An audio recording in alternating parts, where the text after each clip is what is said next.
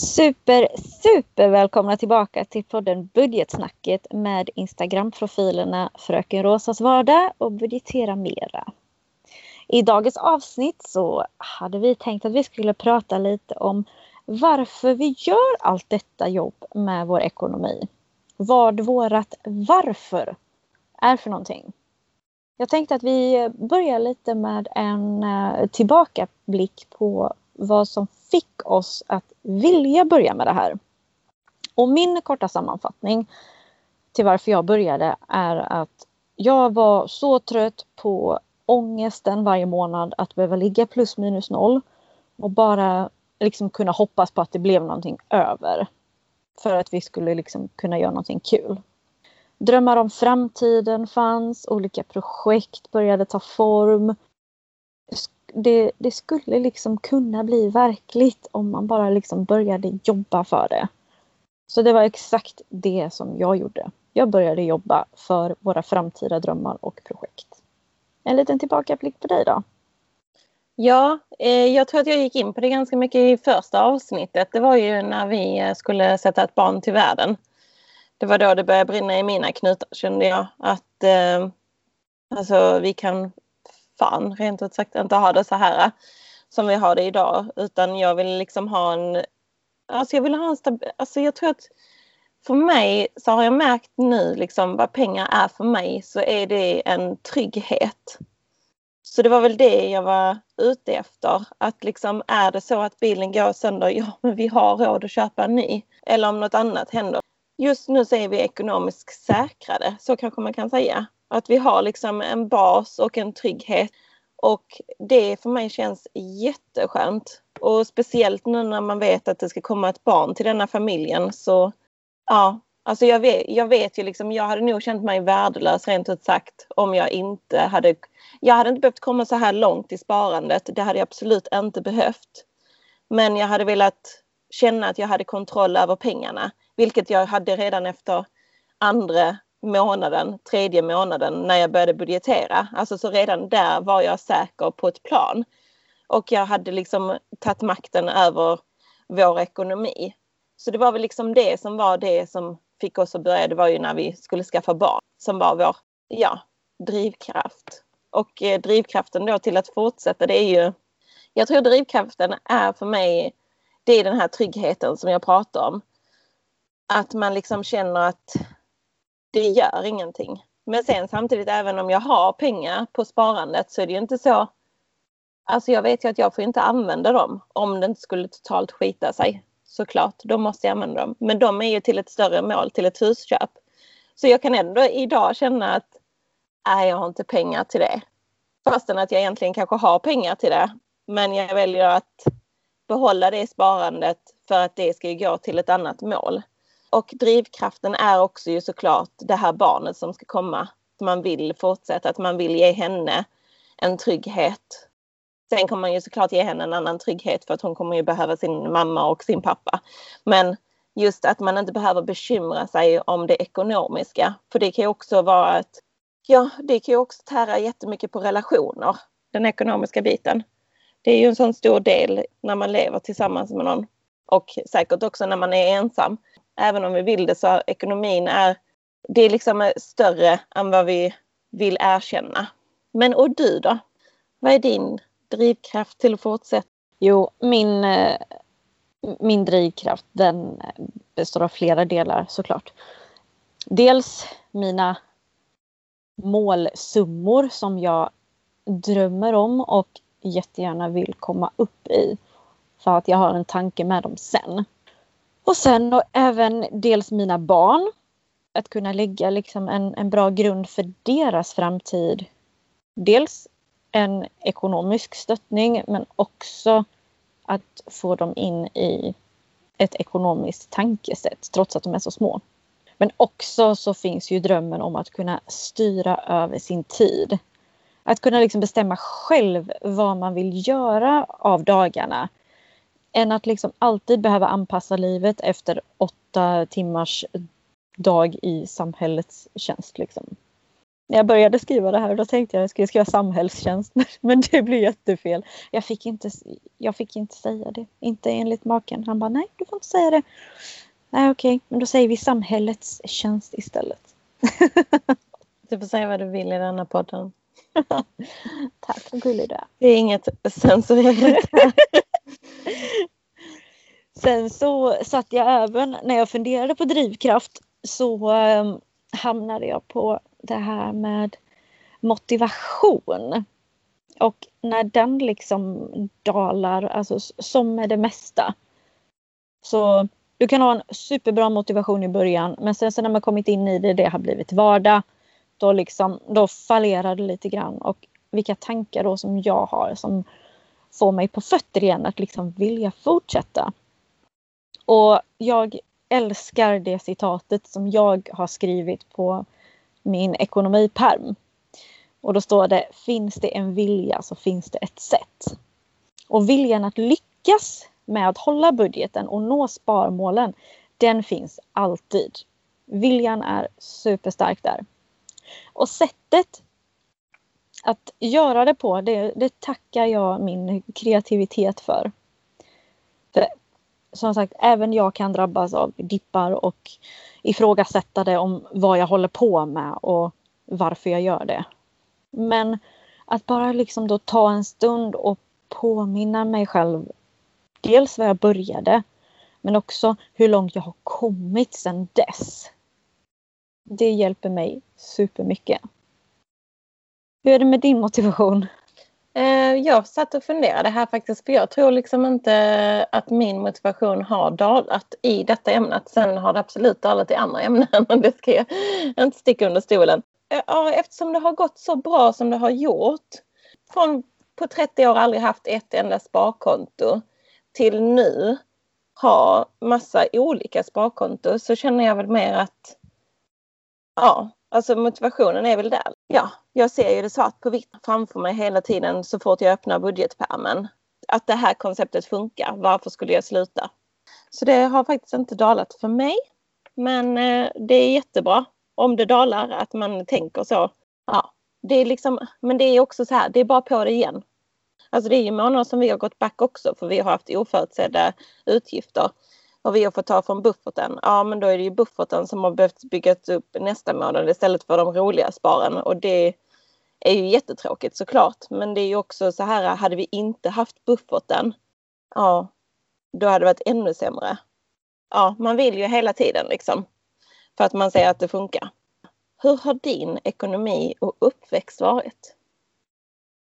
Det är en riktigt intressant punkt. För just när, när vi började spåna om det igår så poppade det upp så mycket som man faktiskt inte hade reflekterat över.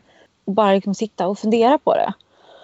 Och häromdagen så fick jag en superinsikt när jag satt där med mina spending trackers och min veckobudget och sådär och skrev med min papper och penna som jag har i plånboken liksom.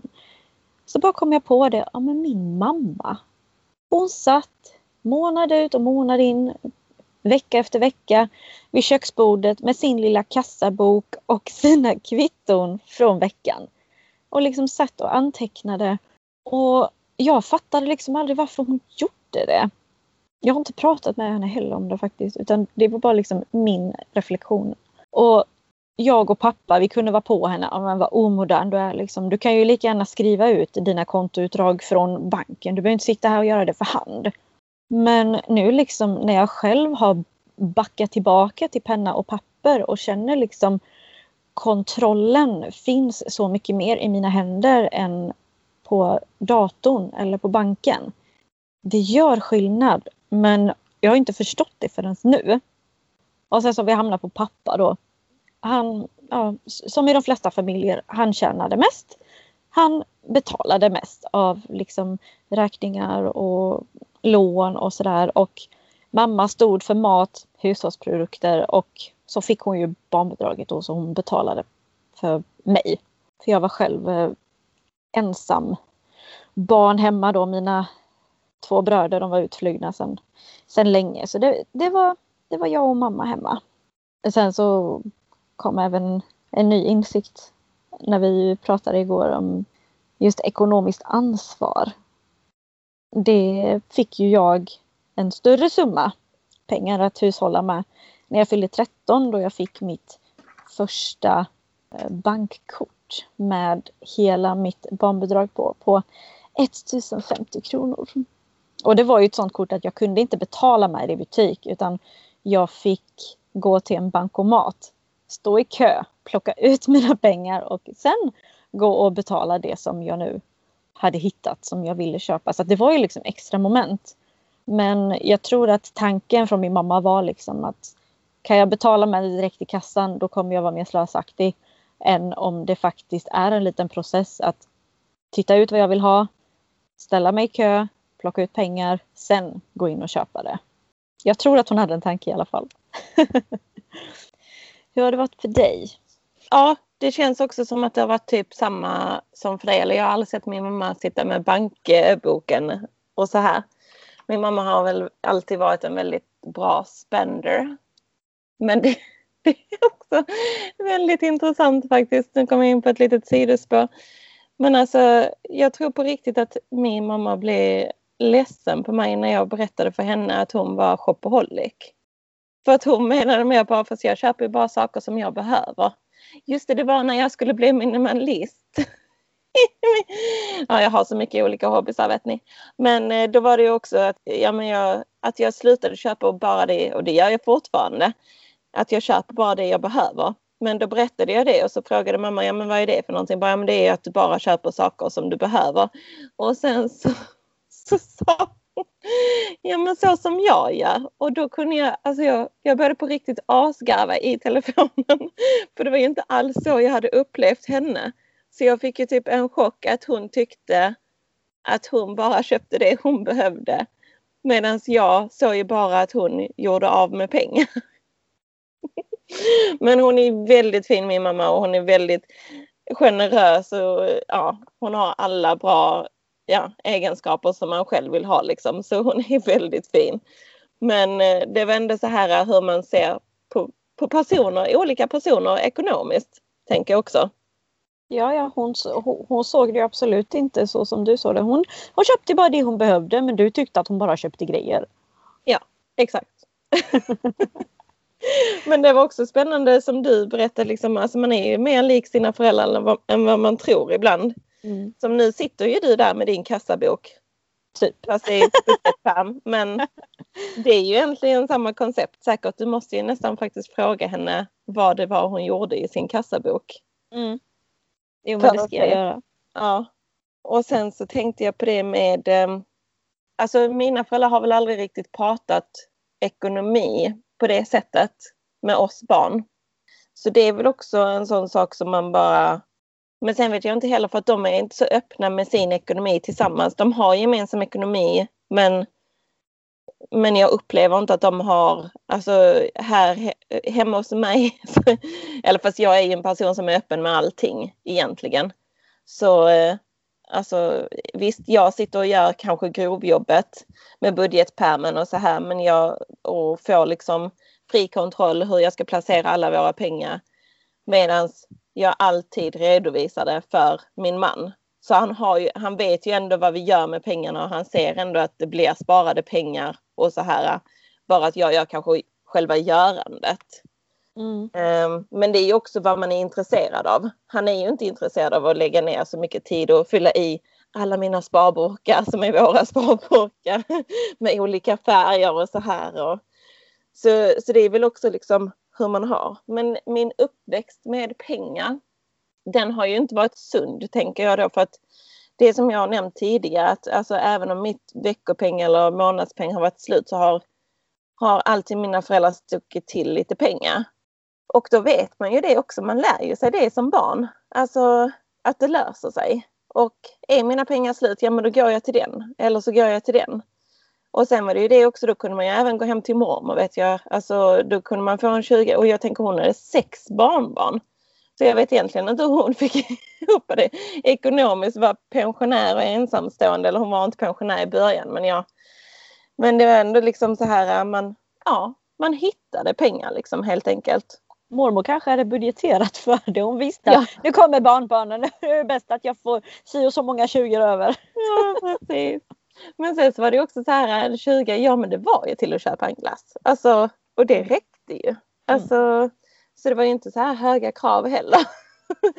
men eh, ja, det blev många 20-lappar för henne liksom. Men och sen så tänkte jag, vi pratade ju lite om det. eh, Ja, alltså för det är också så min pappa har tjänat mer än min mamma. Och de har eh, haft gemensam ekonomi. Pappa. Men jag tror typ, det är det också, jag vet inte riktigt så det kan ju vara typ att jag lite gissar. Men jag tror att det är typ så att pappa betalar de flesta räkningarna och mamma eh, betalar maten. Ja, men li- lite så har jag också fått uppfattningen.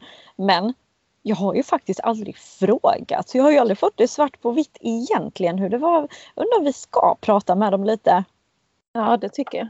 Det hade varit intressant. Så Ja, ka- ka- kan vi uppdatera det i ett, i ett annat avsnitt på hur vår uppfattning var och hur det egentligen var. Ja, men precis. Ja, Det, jo, men för det är nog väldigt intressant och då tänker jag också att då får man ju fler ekonomiska uppfattningar och hur folk, alltså andra folk tänker än bara du och jag. För du och jag tänker ju redan olika, det vet vi ju. ja, Men det är ju det som också blir så spännande känner jag. Att Ja. eh, alla är olika när de Ja. tänker ja, kring deras egna pengar. ja, och även dels då få liksom se hur synen ekonomiskt sett var förr. Alltså mina föräldrar de är ju födda sent 40, tidigt 50-tal. Mm. Jag gissar på att dina är födda lite senare.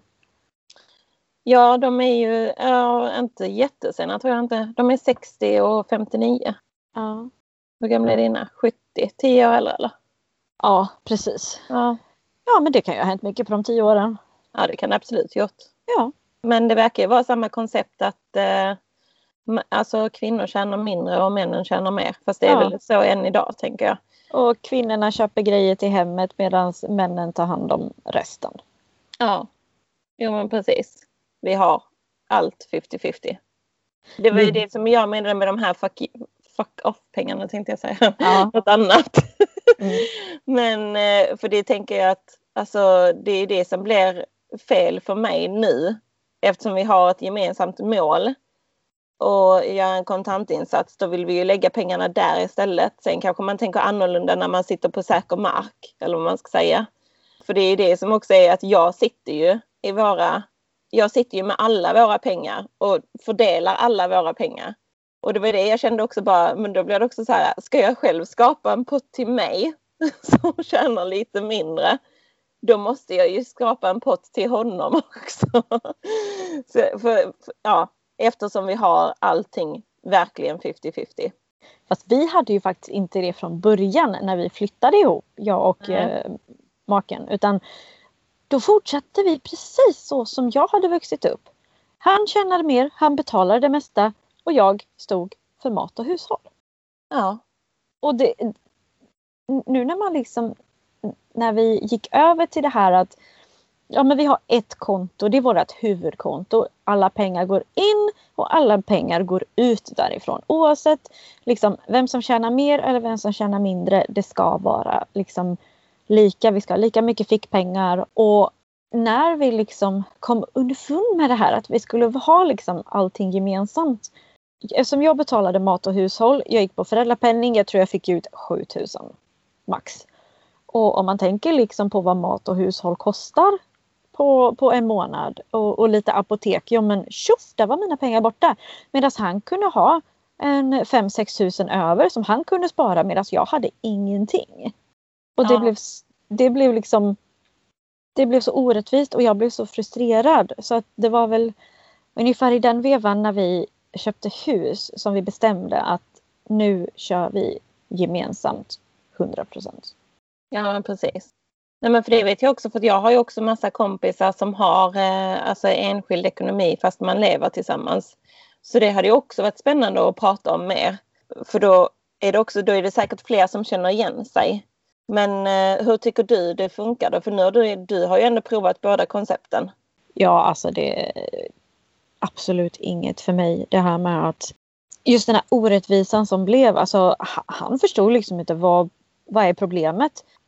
när han hade pengar över. Ja men det tror fasen det. Du har ju pengar över medan jag, jag har ingenting och jag ska, jag ska ändå liksom köpa grejer till vårat nyfödda barn. Jag ska köpa all mat, alla hushållsgrejer, blöjor. Mina pengar de, de försvann ju i ett eh, nafs medan han som sagt han hade ju pengar över så han kunde ju köpa grejer till sig och liksom leva livets glada dagar. Så nej, det, det var inget för mig. Jag eh, röstar stenhårt på att ha gemensamt. Men då som i vårat fall att jag, eftersom jag har det största ekonomiska intresset så är det jag som har huvudansvaret. Och maken han har ju tackat mig verkligen för att jag tog över det här och så mycket pengar som vi har sparat nu och så bra budget och liksom en plan för det mesta vi har nu. Det hade vi ju inte innan för han var ju inte intresserad. Han såg pengar komma in, han var tvungen att betala grejer. Ja, det var liksom så han såg det. Medan jag ser det på ett helt annat sätt och det blir väldigt bra då. Ja, precis. Det märker man ju. Mm, mycket. Men för det var det jag tänkte på, eh, tillbaka till min ekonomiska uppväxt, eller vad man ska säga, för jag vill ju inte heller liksom, jag tycker också att det blir fel, för att jag, alltså ja, det är ju klart att jag kanske hade velat veta mer, eller jag hade velat, men jag hade velat lära mig mer hur man ska se på pengar.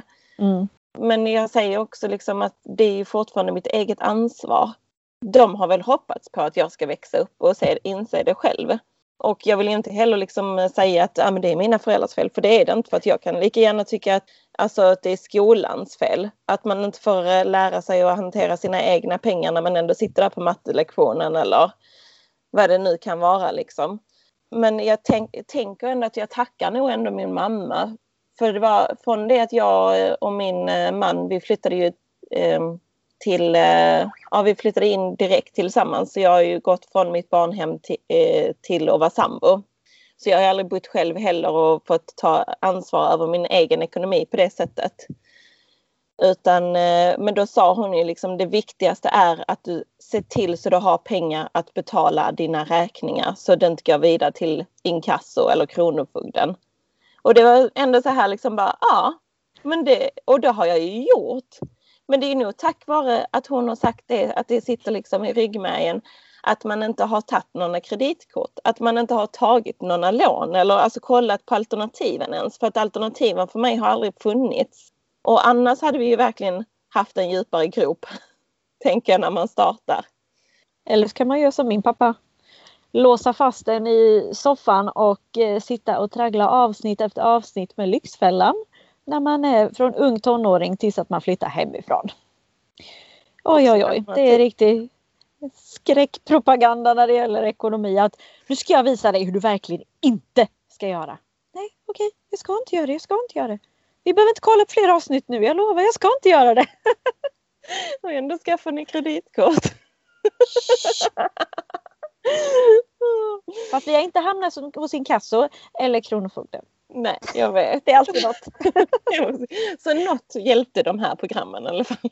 Jo, det, det satt, satt, satte sig väl i, i ryggraden varje gång typ man satte på radion och man, man hörde om alla de här sms-lånsreklamen som kom alltså var femte minut. Och, ja men det är så lätt att låna 5000 och du behöver inte betala igen det förrän nästa månad. Och man bara, räntan är väl på typ 43 procent. Ja. men, men vi har ju alla olika uppfostringssätt. ja, och det är också det liksom man tänker om vi även hade pratat med våra föräldrar om vad de fick för ekonomisk eh, hjälp under den tiden som de växte upp innan de själv fick ta ekonomiskt ansvar. Vad de hade liksom fått för inkörningsport av sina föräldrar om de ens hade fått någon. Ja. Men för det tänkte jag nu på min sambos ekonomiska uppväxt. De hade ju ett helt annat koncept. Han fick ju allt han pekade på fram tills han var 18. Sen ströp de alla tillgångarna som han hade fått lyxa till det med. Liksom. Den du! Ja, den, övergå den, den övergången. Den kan du ha, men när du är 18 så nej. så det är också väldigt spännande hur man tänker liksom. Men de kände väl också att det är deras ekonomiska ansvar. Han är, eller han är deras ekonomiska ansvar fram tills han är 18. Då är han vuxen, då får han klara sig själv. Nu är också min man det fjärde barnet och hade också syskon som var betydligt äldre som är din sitt, så han var ju i princip ensambarn. Så det är väldigt spännande hur man tänker olika kring sina barn. Jag tänker ju nog mer på den pedagogiska biten. Sen vet jag inte om det är också för att vi arbetar på förskola. Just det här kring mitt barn som kommer. Hur jag kommer vara med mitt barn och pengar. När du lär den om ekonomi menar du? Ja, precis. jag tror det var tydligt. Nej, men jag tänker liksom om, om, om du kanske funderar på ja, men hur, hur jag kommer göra när jag köper grejer och uh, liksom ja, ger, ge, ger den saker. Ja. Eller just hur, hur du kommer göra när du lär den om pengars värde. Ja, jag tänkte väl mer typ så här att vår alltså hushållsekonomi, att den får vara med i den, tänker jag. Mm. Alltså att man, man liksom Ja men som du, du sitter ju med dina tjejer sitter ju och ritar kring bordet när du sitter med din budgetpärm. Liksom. Mm. Och sen så har du mm. några frågor, ja men då svarar du på dem. Det är ingenting som man sitter med när barnet sover, det kanske det är också men jag bara menar att man involverar dem på ett annat sätt kanske än vad man själv blir involverad. Mm. Sen vet jag inte det heller för att jag menar min pappa blev ju arbetslös under vår uppväxt en tid då var det ju bara min mammas lön som kom in i huset och jag tänker då är det också så här, då har de ju också säkert haft en ekonomisk kris. Och då är det ju klart att man kanske inte vill dela den med sina barn. Att man gömmer det för barnens skull. Så kan det absolut ha varit. Ja, alltså det är ju... Vi kan bara spekulera innan vi har haft våra intervjuer. Ja, men precis. Men det ska bli ruskigt intressant alltså. Ja. Jag är superpeppad på det. Då kör vi det. Det gör vi. och sen så, för det, jag tänkte lite på det här med kortet. Jag hade ju också ett sånt kort som du hade men jag tror att det var liksom att det var typ ett tonårskort, att det var ett gratiskort. Ah. Och det var därför den inte hade det tjänsten att man eh, betalade i butik. Men mm.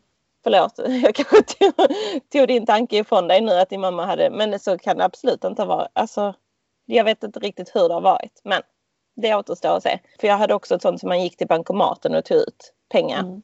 Och bara där gjorde vi ju olika för du gick ju och kollade hur mycket pengar du behövde först för att köpa sakerna. Jag gick ja. ut tog ut kanske 500 eller vad jag nu tog ut. Och sen shoppade jag upp den. Alltså den pengen som jag hade fått. och där alltså, det behöver ju inte alls ha med våran ekonomiska uppfostran att göra. Det kan ju bara vara hur vi tänker ja, individuellt. Mm. Det, eller jag var inne lite på detta att man inte lärde sig det i skolan heller. Mm. Vilket egentligen är jag, jag har sagt det tidigare, liksom, jag vet ju mycket som jag har lärt mig i skolan som jag inte använder idag. Men jag menar hur man hanterar sin, e, sina egna framtida pengar, det är väl ändå något jävligt bra rent ut sagt att lära sig i skolan. Ja, gud ja. Alltså med det jag gör idag det är så jädra mycket som jag inte har nytta utav. Men man skulle ändå lära sig för att det stod i läroplanen. Ja men precis. Men något helt annat då? Vad har du för relation till lån? Ja, där har vi ju bara tagit lån. Kreditkort, det, det vet jag fasen om man räknar som lån eller ja, vad det nu är. Men nu tänker jag liksom lån, lån. Du hörde av dig till en bank, du ska ta ett lån där har vi ju bara tagit lån när vi skulle köpa vårt hus. Även då ökat på det lånet när vi typ ska renovera eller liksom fixa någonting med huset. Men det är liksom det lånet som vi har som vi betalar av. Och bara liksom nu sen det ekonomiska intresset ökade från min sida. Alltså bara liksom ordet lån och veta att jag har någonting att betala av, det, det är jättejobbigt. Men jag vet ju också att vi hade ju inte kunnat bo här. Vi, vi hade ju absolut inte så mycket pengar så vi kunde köpa huset cash. Det är typ det lånet som jag själv kan acceptera är okej okay för oss. Det är liksom, det är bostad. Men andra lån, mm, nej, det, det känns eh, bara jobbigt och stressande. Hur känner du? Ja, men jag, för jag tänker bostadslån, ja men där har jag väl, eller jag har ingen relation idag till det. Men jag skulle vilja ha en relation till det, så kanske man kan säga. Jag är öppen för en relation till lån till eh, bostad. men sen så har vi, vi har ju, eller jag har haft CSN-lån men det har vi betalat av för att jag, ja när jag flyttade till Karlstad så hade jag visionen att jag ville vara lite ledig återigen. så då började jag ta, då tog jag en kurs distans som var öppen för sen, ja så här att man kunde liksom ansluta sig till den. Så det blev liksom religionvetenskap. Alltså jag hade inte som helst något intresse till detta. Religion. Eh, ja, men eh, och du vet, alltså det var det tråkigaste som, ja, som för mig var det det tråkigaste. Men det, det, var låter ju inte som du. Men det var ju väldigt roligt. Jag fick ju vara turist i min egen stad, plugga lite distans och så här. Nu, nu slutade jag plugga efter tre månader och hoppa av den här kursen. Men jag var ju ledig och jag fick ju, jag fick ju en liten peng liksom av CSN. Sen vet jag inte om det är så här man ska göra och utnyttja CSN på det sättet. Men jag menar tänk så här, jag tyckte det var jätteroligt. Men eh, det vet man ju inte. Men det, ja. Jag fick i alla fall en liten inkomst som vi behövde. För att min man pluggade också när vi flyttade till eh, Karlstad. Det var då också vi köpte hund till exempel. Så det här bara, det bara gynnade mig. Att vara hemma och göra så här. Så eh, ja, jag rekommenderar det i alla fall om man vill vara lite ledig. Ha någon liten kvällskurs. Ja precis. Men eh, det, så mitt lån har vi betalt av. Mm. Det blir inte så högt eftersom det bara var tre månader. Men jag höll nog ändå på. Men det blir, alltså det, CSN är ju, det är ju väldigt schyssta villkor tycker jag. En bra avbetalningsplan och så här. Men min mans betalar vi ju fortfarande av. Så det är ju CSN vi har till honom som vi har lån på liksom. Annars så har vi inte haft några lån mer än CSN. Jo, vi, vi har faktiskt ett privatlån på bil som eh, föräldrar som vi fick låna pengar för att köpa en bil när vi bodde i Karlstad. Som vi betalar till dem privat. Det är ju ett lån men det är ju väldigt schyssta villkor. Alltså vi har ju betalat nu det i flera år på 60 000 och vi betalar ju 1000 kronor i månaden. Liksom. Ja, det är väldigt snällt att vi har fått låna pengar av dem till det. Jo men lite så gjorde vi också när vi skulle köpa huset och vi skulle ha kontantinsats. Nu ska vi se, vi skulle ha en kontantinsats på ungefär 150 000 tror jag det var. Då så visste vi liksom, vi hade 50 000 och sen lånade vi 50 av mina föräldrar och 50 av makens föräldrar. Det betalade vi av till slut så lyckades vi bli, bli färdiga med det. Så att, eh, då var det några lån mindre att tänka på. Så att nu är det bara eh, huslånet till banken som vi har.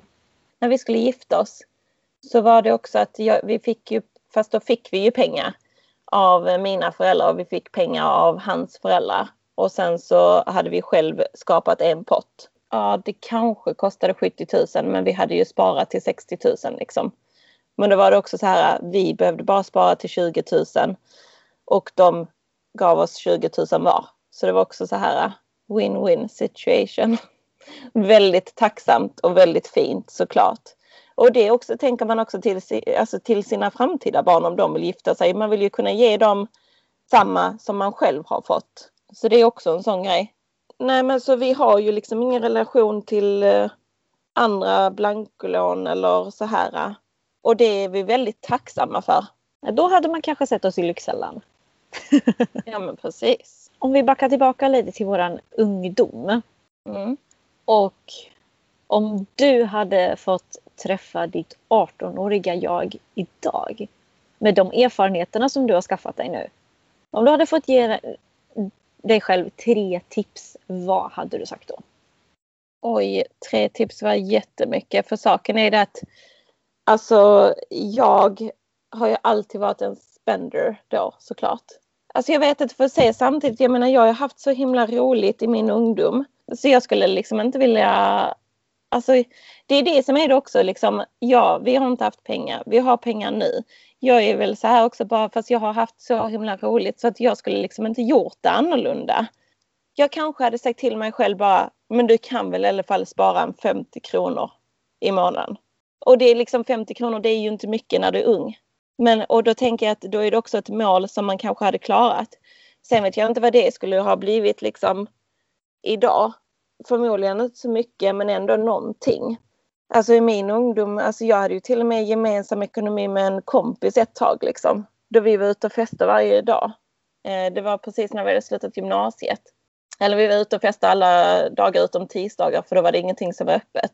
Men sen så öppnade en eh, klubb till på tisdagar, eller som hade öppet på tisdagar, så då blev det att vi gick ut på tisdagar också. Och då var det ju så att vi var ju tvungna att eh, sätta ihop våra pengar för att ha råd till detta. För det är ju inte, nu var det ju så också, vi var ju ute så mycket så vi fick ju liksom inträde gratis ofta. För vakterna och så kände igen en. Men sen så var det ju det också, du skulle ju fortfarande ha råd med dricka. Och det skulle kanske ha råd med någon outfit. Men det vet jag också att vi vi, vi handlade mycket second hand, i alla fall i slutet också framförallt i månaden för att ha råd om man ville ha en ny klänning på sig eller så här. Alltså på det sättet var vi ju ekonomiska, tänker jag. Att man liksom köpte billigare grejer för att sedan, men vi la ju alla våra pengar i stort sett på alkohol skulle jag nog säga. Och när det inte räckte, alltså det var ju det också. Vi, eh, alltså vi var ju ja, för att man då skulle liksom ha råd med det här, då var man ju tvungen också att... Jag vet inte om jag ska säga detta. Jo, men jag säger det. Ja, men då var vi ju drinkluder helt enkelt. Alltså det är ju liksom... Folk, folk vill ju såklart bjuda snygga tjejer ute på krogen. Så är det ju. Alltså det är ju då man drar till sitt kvinnokort för att kunna få, få någonting för det liksom. Sen var det ju bara mer det liksom, alltså vi, vi var ju också sådana, för det har vi faktiskt pratat om också, vi var ju också sådana som gärna kunde bjuda tillbaka. Så det var ju inte bara så att vi, men jag menar hade vi inte några pengar, nej men då var det ju så bara, ja men okej okay, men ska du eller jag fixa dricka, ja men då gjorde man det. Och sen kunde det vara så bara, ja men ska inte du bjuda mig på en shot? Och de bara, jo men det kan man väl göra. Och sen så tog man shotten, sen gick man därifrån liksom. Så det var ju inte så här och då var det ju vissa alltså, män som blev skitarga. Eller vad förväntar du dig? Jag kommer hit och säger ska du inte bjuda mig på en shot? Du säger ja, jag fick shotten. Hade vi något avtal eller? Nej, du sa ju inget mer. Nej, men precis. Det är ju det som också varit så kul för vi har ju alltid pratat med så många olika människor på det sättet och man har ju liksom lärt känna nya människor och ja, nej det har faktiskt varit, eh, ja, jag tar inte tillbaka någonting. Jag hade nog inte gett så mycket mer till mitt 18-åriga i tips och erfarenheter idag. För att jag hade känt att alltså, vi hade så jäkla roligt. Och sen så flyttade vi även till Korsika en sväng och så här också. Så jag menar, nej, pengar, eh, pengarna har ju, det är det som är så konstigt för att jag har aldrig haft några sparpengar men det har alltid gått runt. Jag skulle liksom inte, jag ångrar ingenting och jag säger liksom till mitt 18-åriga ja, ja, du kanske hade kunnat ha 50 kronor över och spara. Det är väl det kanske. Men det är okej att du inte gjorde det heller. För att nu gör jag det åt oss. och du då? Vad skulle du sagt? Jag tänkte du hade ju säkert så här tre punkter eftersom du verkligen sa om du skulle gett dig tre. Jo men det, jo, men det var det. det var just liksom, men, det brukar vara så här, nämn tre grejer eller om man nu pratar om någonting. Så då kom jag på tre grejer. Och mina är ju raka motsatsen mot dina. Som vanligt. Nummer ett. Alltså jag, när jag backar till mitt 18-åriga, jag, alltså jag tycker inte jag, jag var inte dum i huvudet. Jag, jag, hade liksom, jag kunde tänka logiskt och liksom, jag hade något innanför pannbenet. Det första jag hade sagt det var nog liksom lev inte bara för dagen utan fundera på vad du verkligen vill ha ut av livet ekonomiskt. Alltså hur länge vill du jobba? Vill du kunna styra över din egen tid liksom och vara lite mer ekonomiskt oberoende än vad du är om du liksom knegar runt på ett vanligt jobb och liksom bara får det till att gå runt. Det hade jag fått mig själv att tänka på. Och sen så den andra grejen var att jag skulle verkligen pushat mig själv till att ha ett månadssparande som jag inte rör. Oavsett hur lite du sparar så är det tillräckligt. För det är ju så mycket mer än om du inte hade sparat något. Ja, Okej, okay. där, där kanske 50 spänn hade liksom varit sure fine. Där tänkte vi lite lika. Men jag, jag vet ju som sagt, alltså när jag jag, jag började jobba direkt efter gymnasiet. Jag hade liksom... Det enda jag betalade det var någon tusenlapp hemma. Jag betalade bensin till min bil och mitt bredband. Men jag hade ju lätt 10 000 över varenda månad. Men de sparade jag för att sen använda. Och det var liksom ingenting som jag sparade för framtiden. Det blev liksom möbler typ när vi flyttade ihop jag och maken. Så ja, typ av sparande. Men jag hade nog velat ha ett sparande som jag inte rörde. Och den sista punkten. Skittråkig. Men jag hade verkligen tackat mig själv, alltså i framtiden. Och det är att när jag hade börjat jobba och ha en stadig inkomst, då hade jag velat spara minst 500 kronor i månaden till pension. Det är de tre tipsen som jag själv hade gett mig. Visst, jag hade säkert himlat med ögonen och bara Åh, Alltså du är bara, du är för gammal. Alltså tänk på att jag är 18 år, jag vill leva mitt liv. Ja, men det finns ett liv efter, efter ungdomen också. Och jag vet det är jättesvårt att tänka så, absolut. Men med den erfarenheten jag har idag så är det så jag hade velat att jag hade gjort när jag var 18. Ja, nej men och jag kan, alltså jag kan hålla med dig men alltså jag vet ju själv Alltså jag var ju inte där psykiskt i den här pengavevan. Så jag vet ju att jag inte hade de där 50 kronorna, det vet jag ju att det hade ju varit till ett packe cigg till exempel. Alltså är du med? Ja. Så det är, alltså, jag vet ju själv att jag hade misslyckats. Men sen så tänker man också så här 50 kronor är inte mycket. Men sen så var det också så här bara, ah, fast vad kan jag köpa 50 kronor för? Ja, men det kan jag köpa det här för. Eller det kan jag köpa en väska för på second hand. Eller ja, vad det nu var. Men för det tänkte jag också på det här återigen att vara ledig. Gud, din ledighet. för det var ju det när vi hade varit flyttade till Korsika, jag och min kompis och eh, jobbade där. Så när jag kom hem så var jag arbetslös i två månader. Och det var sommar och jobbade hemma och livet var bara så fantastiskt. Alltså jag gjorde ju ingenting om dagarna. Jag låg liksom i solstolen och kollade skvallertidningar typ, i princip. Och sen så var jag ute på kvällen, typ. Och jag menar, det var ju helt fantastiskt. Och det här, alltså det var ju till och med som mina föräldrar fick säga, nu måste du skaffa ett jobb. Alltså ambitionen till att vara, få ett jobb, det var ju att jag låg i solstolen, skrev mitt CV och eh, gick en promenad till postlådan för att skicka det till olika restauranger. för jag tänkte så här bara, ja jag måste ju söka jobb för att få a-kassa. Och så gjorde jag det. Men jag tänkte, alltså det är ju minst risk att jag får ett jobb om jag gör det på ett oseriöst sätt. Och vad är då mest oseriöst? Jo, att skicka det på posten kanske än att gå och presentera sig personligen. så, men till slut fick jag ju ett jobb då. Så då var jag tvungen att ta det. Men eh, det var också kul. ja där, där kan jag säga att där jag har eh, jag har haft så enormt eh, låg självkänsla och sen så just tanken på att misslyckas. Och om mina föräldrar hade kommit till mig och sagt Sandra du måste skaffa dig ett jobb. Jag hade sjunkit genom golvet, jag hade aldrig fixat det. Så ja. därför jag, jag tänkte några steg före när jag valde gymnasieprogram. Jag valde ett program där jag var garanterad jobb när jag hade tagit studenten. Ja. Där är vi också ja. olika. Ja det är vi ju. Sen så valde jag restaurangbranschen där man också garanterade jobb. Jag var faktiskt väldigt bra på det också. Men jag vet jag tror att jag har alltid varit väldigt... Alltså jag har alltid haft en bra självkänsla och varit... Alltså ja, jag har vetat alltid vad jag är bra på. Sen har jag kanske varit, ja men det är klart att jag kanske inte är smart på andra sätt men jag har alltid varit väldigt street smart och vetat hur jag ska liksom hantera situationer som man hamnar i eller och jag vet egentligen inte varför det har blivit så men eh, för jag tänker om man, om man då jämför mina bröder så är de ju väldigt så här, eh, de pratar inte om sina känslor till exempel. Medan jag är sån som gärna säger för mycket.